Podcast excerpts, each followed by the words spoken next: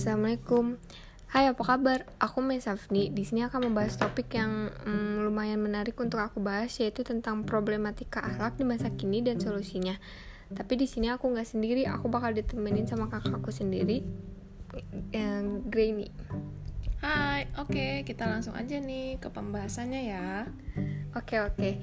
Nah sebelumnya nih istilah problema atau problematika berasal dari bahasa Inggris yaitu problematic, yang artinya persoalan atau masalah. Sedangkan dalam bahasa Indonesia problema berarti hal yang belum dapat dipecahkan yang menimbulkan permasalahan.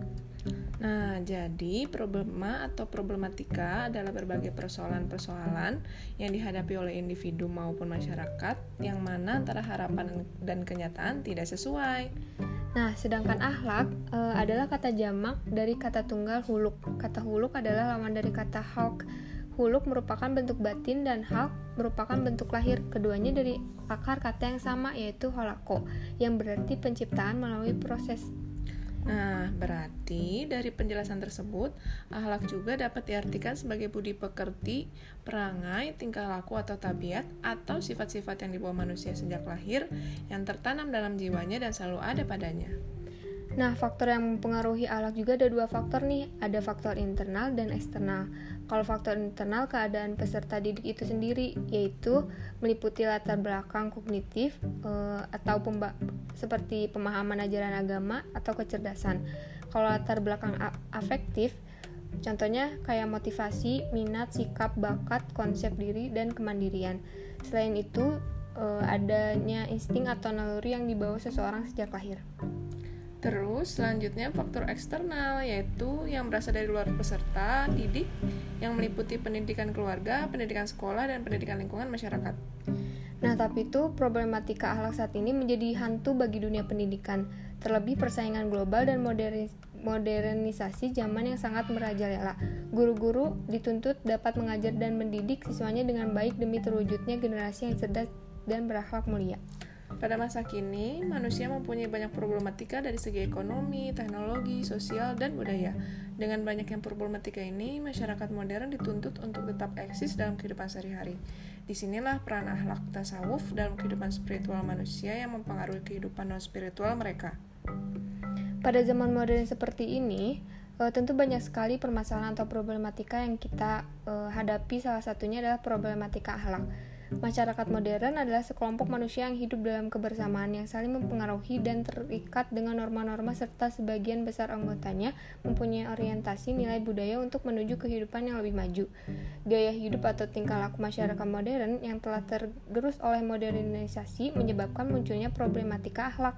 Kehidupan masyarakat modern identik dengan mendewakan ilmu pengetahuan dan teknologi, mengasampingkan pemahaman agama.